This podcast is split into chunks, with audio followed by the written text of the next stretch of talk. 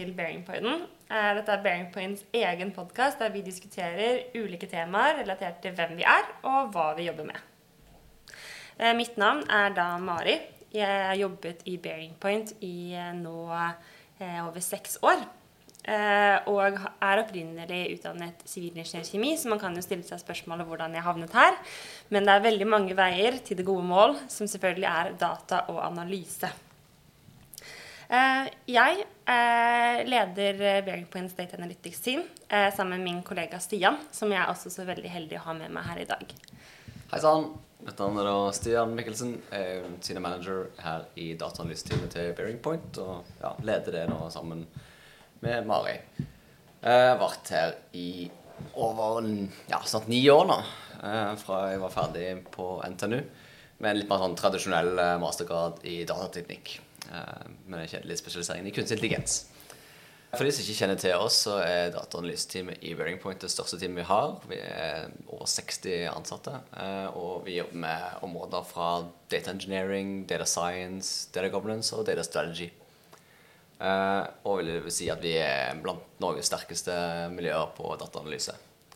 Og I dag tenkte vi å snakke litt om sentrale problemstillinger vi kommer borti i vårt arbeid. Eh, og for å gi ballen over til deg, Mari, hva mener du er det viktigste å tenke på når du bygger innsiktsplattformer for kunder? Det er et veldig godt eh, spørsmål, Stian. Eh, nå har vi jo sett veldig mye forskjellig opp gjennom tidene på, på hva som fungerer og hva som ikke fungerer. Og en av de tingene som i hvert fall jeg mener er, er det viktigste, det er når man investerer i teknologi, og når man ønsker å hente ut verdi ved hjelp av dataanalyse, så må man ha en veldig sterk kobling mellom de teknologiinvesteringene man gjør, de analysene man utvikler, den dataen man henter inn, og sin forretningsstrategi. Så når vi jobber med dette her, så eh, er det veldig viktig for oss at vi starter i riktig ende. Og, og med riktig ende så tenker vi da på eh, ta utgangspunkt i selskapets eh, strategi, selskapets forretningsmål, og så finne ut eh, eh, basert på det hvilke, hvilke ting er det man selv ønsker å gjøre annerledes. Hva er det man ønsker å, å forbedre, eh, og, og hvordan ønsker man å gjøre det. Og basert på de handlingene man ønsker å gjøre annerledes, så tenk ut hvilken innsikt er det vi trenger for å gjøre de handlingene annerledes enn det vi gjør i dag. Eh, og Bruk deretter det som eh, utgangspunkt i å definere opp hvilke analyser du har, og først da se på hvilke data vi trenger, hvilke teknologiplattform er det som skal understøtte dette. For hvis du har den der veldig klare koblingen mellom forretningsstrategien din, de målene du ønsker å oppnå, og hva du skal gjøre, så eh, mot det du faktisk investerer i, så er det mye lettere å få verdi ut av den investeringen du gjør, da. Jeg er helt enig. Eh, Og det høres jo veldig logisk ut nå, men det vi ser, er jo veldig ofte det motsatte. At eh, kunder starter med at de har hørt at dette med data er viktig. Og så begynner de å bygge et stort datavarehus eller kaste masse penger på skyen og håpe at magi skal skje. Eh, har du noen konkrete eksempler på et sånt strategisk mål, og hvordan du bryter det ned i handling og innsikt, eh, Mari? Eh, godt spørsmål. Det, et sånn, klassisk eksempel kan jo være hvis du, har, hvis du er et selskap som ønsker å, å øke salgene dine, da, eller ha flere, flere kunder, så kan jo et, et mål eller noe du ønsker å gjøre annerledes, det er å redusere churn. Altså redusere antall personer som f.eks. sier opp et abonnement eller lignende.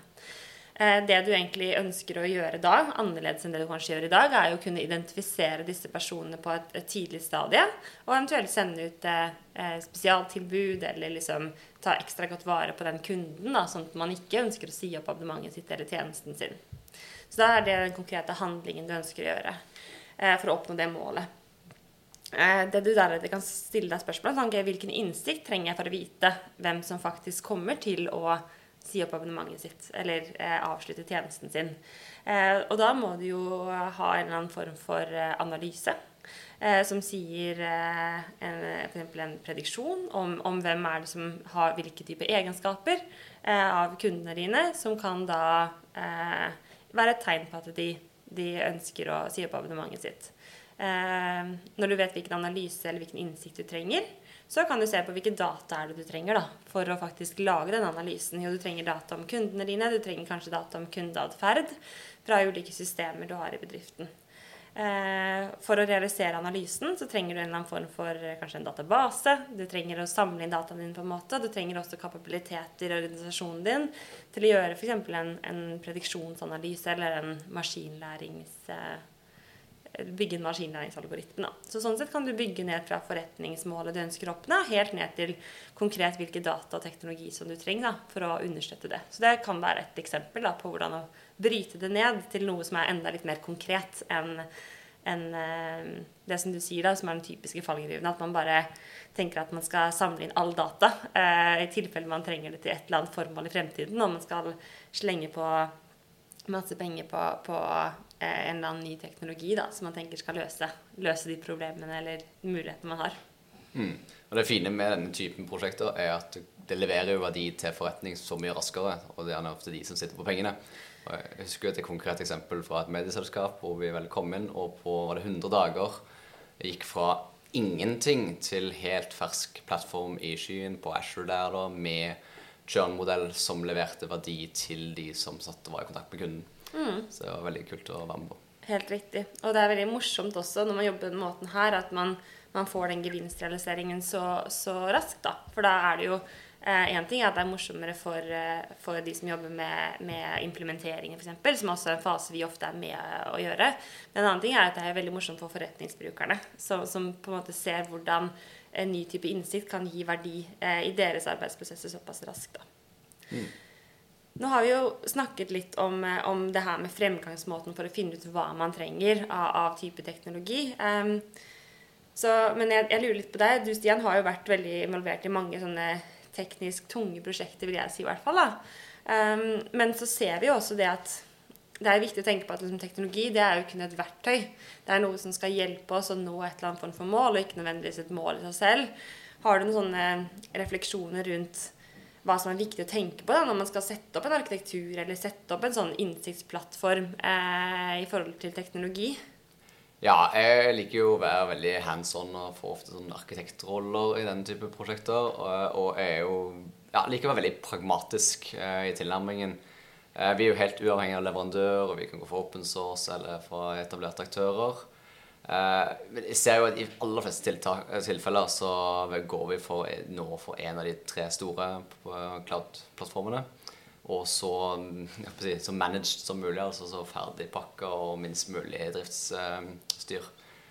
Eh, men så er det viktig å dekke de faktiske forretningsbehovene og ikke kjøre på med det som markedsføres hardest fra de leverandørene. Og ikke overengineere løsningene. Eh, men utover det så er det Det krever egentlig innsikt i eh, selskapet, selskapets ambisjoner, selskapets egen kompetanse til å velge hva som passer best i de ulike tilfellene.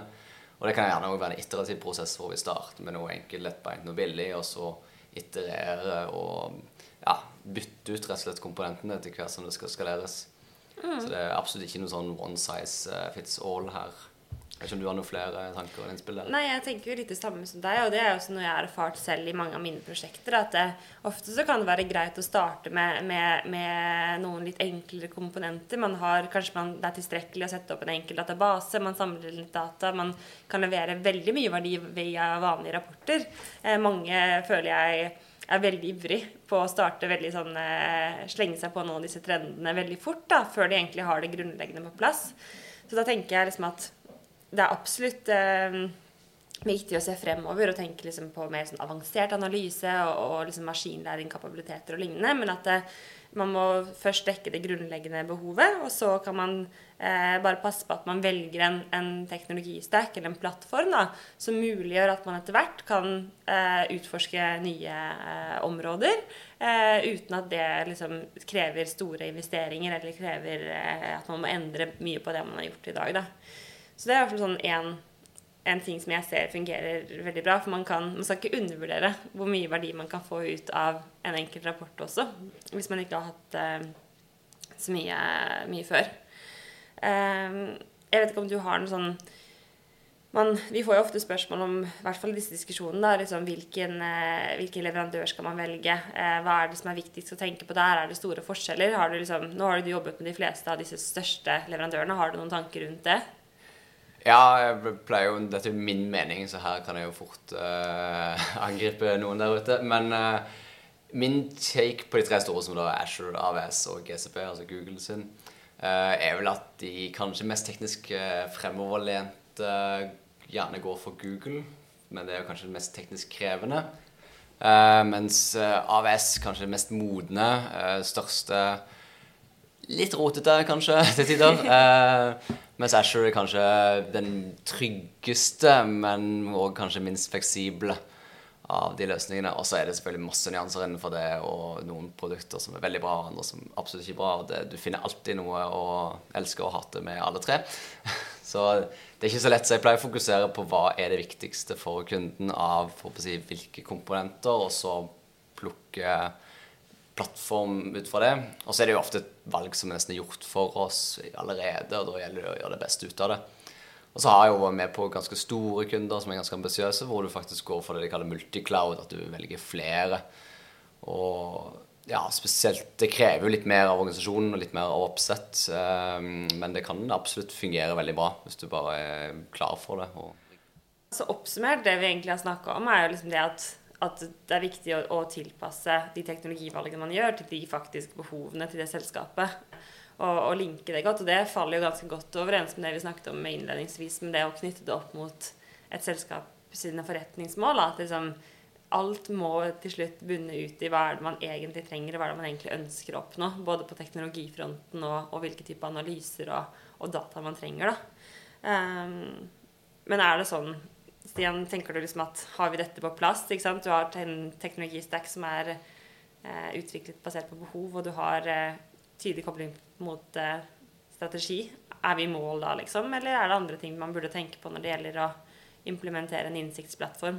Nei, ikke helt. Én en ting vi spesielt ser, som kanskje er noe når du faktisk har fått litt suksess med de to første, så kan du oppleve noen symptomer. En kan være at du har masse sånn flinke data scientists som lager masse kule modeller.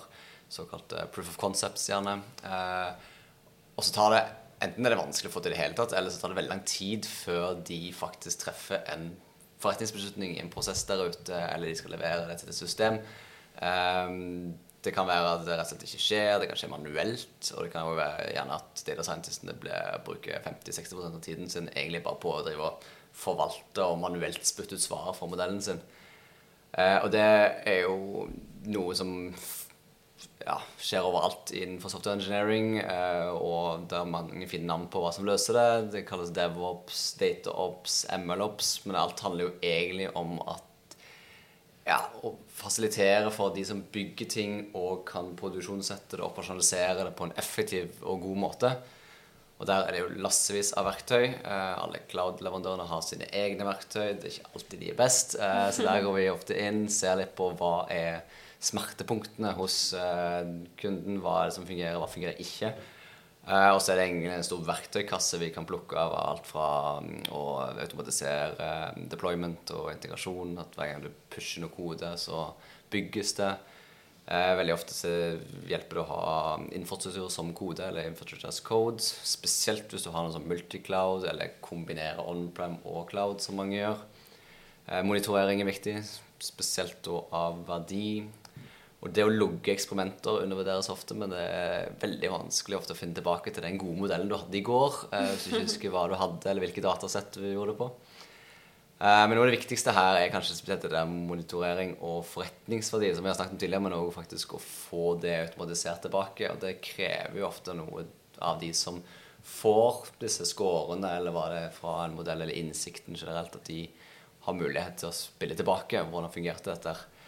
Og der er det ikke rent teknisk, der krever det ofte mer av organisasjonen. Og der har jo du en del erfaring, Mari.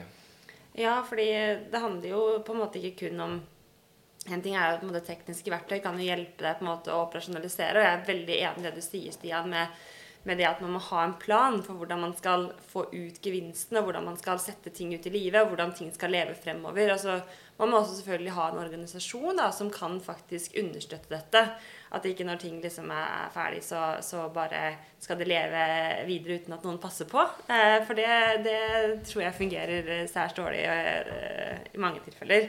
Så der er jeg veldig enig. Men, men i tillegg så har jeg også sånn sett og, og, og, vært med på selv da, at En ting er jo det at man har alt på plass liksom, i sin analyseavdeling. ikke sant? Man har tekniske personer, man har gode prosesser, man har gode verktøy som understøtter.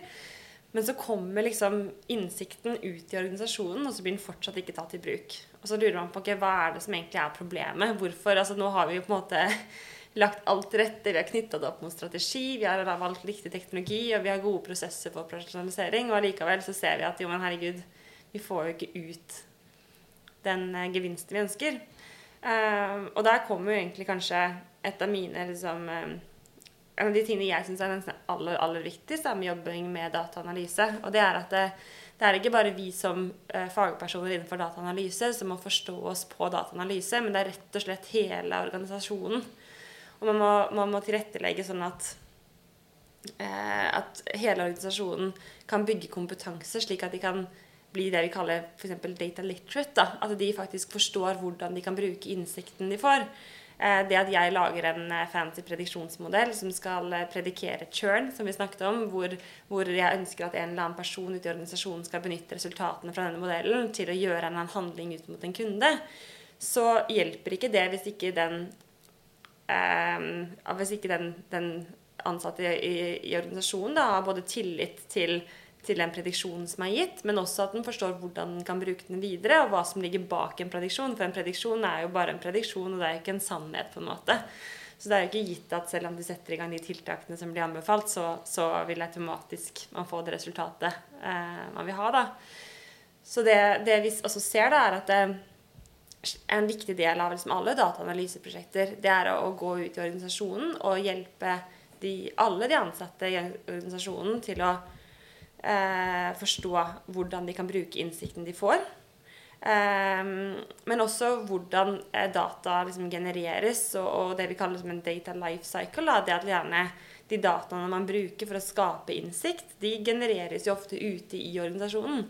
Eh, og da har man jo det gjengående problemet med type sånn datakvalitet. Da, eh, hvor hvis det, det, som kommer inn i våre analyser, og det du bruker i en innsiktsplattform, er av dårlig kvalitet og ikke egentlig representerer det eh, forretningen eller organisasjonen driver med, så vil de jo få ganske crappy eh, analyser ut på andre siden som kanskje ikke vil gi den verdien de ønsker. Og da eh, vil organisasjonen plutselig se at ja, men det her er jo ikke riktig, det her stemmer ikke overens. Så mister de tillit til det man bygger, og så benytter de seg kanskje heller av sin egen magefølelse enn faktisk den innsikten de får, da. Så det er også liksom opplevd at man sånn, trene opp organisasjonen for å, å få forståelse for hvordan data kan brukes som en strategisk eiendel, og hvordan denne data life cycle henger sammen, og hvordan de faktisk er med på å påvirke det resultatet de får tilbake av en sånn innsiktsplattform. Da. Så det mener i hvert fall jeg at er ekstremt viktig å huske på eh, når man setter i gang sånne prosjekter. At eh, man ikke glemmer det siste steget, da. Mm. Og en, en, måte du kan få til noe i hvert fall av den kulturendringen syns jeg som fungerer, er jo faktisk bare korte ned avstanden mellom disse ulike fagdisiplinene. Så noe av det kan kanskje løses med organisering. Det er kanskje ikke alltid like lett å få til i en organisasjon, for det er en stor uh, endring. Men uh, å ha kryssfunksjonelle team som har forretningskompetansen, de har datakompetansen, de har analysekompetansen sammen, og gjerne òg at du desentraliserer ansvaret for dataene, mm. så har de muligheten det i det teamet til å gjøre alt de trenger, fra det vi har sagt, fra å så å si sette eller motta de forretningsmålene til å kjøre hele pipelinen mm. ut i andre enden og iterere raskt på det. Og da er det jo veldig nært, og, og sånt. det blir mindre sånn som dette mellom eh, veggene. da. Ingen som kaster ting over en mur til noen andre som ikke forstår det på andre siden. Ikke sant. Så tror jeg liksom det er også det man ser også mer av i eh, på en måte både de kundene vi jobber hos, men generelt liksom en, en, trend, er jo det at det, man kanskje putter eierskapet til data over på forretningssiden. At det er mm. forretningen som eier dataene sine. Mer enn at en eller annen sånn en, en analyseplattform eller de som drifter plattformen, skal være ansvarlig for dataene.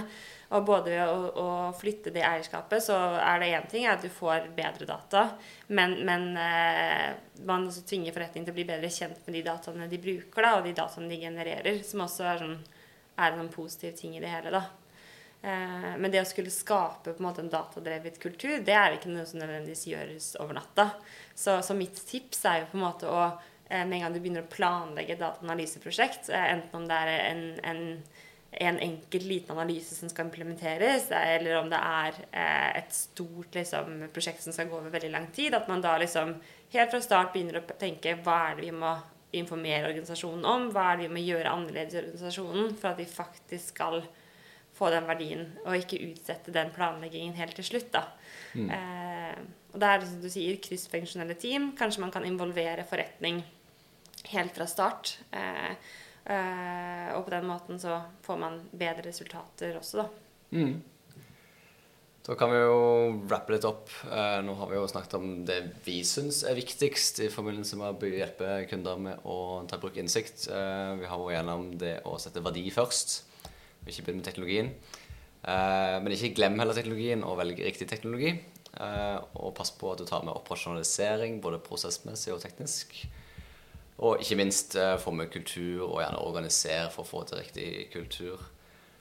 og hvis du sitter der ute og er gira på å snakke mer med oss, så ta gjerne en prat. og hvis du er en potensiell kunde der ute og trenger hjelp, så er vi òg gjerne der for deg. Så med det vil vi egentlig bare takke, takke for oss, og syns det var veldig hyggelig at dere hørte på. Eh, og eh, som sagt, det her er jo vår take on det, eh, og vi er veldig interessert i å, å, ha en dialog rundt det. For det er sikkert mange andre ting som vi kanskje ikke har nevnt i dag, som fortsatt er, også er superrelevante når man skal bygge en innsiktsplattform eller ta i bruk dataanalyse. Eh, enten for første gang eller, eller bygge videre på det man har. Ha det bra. Ha det godt.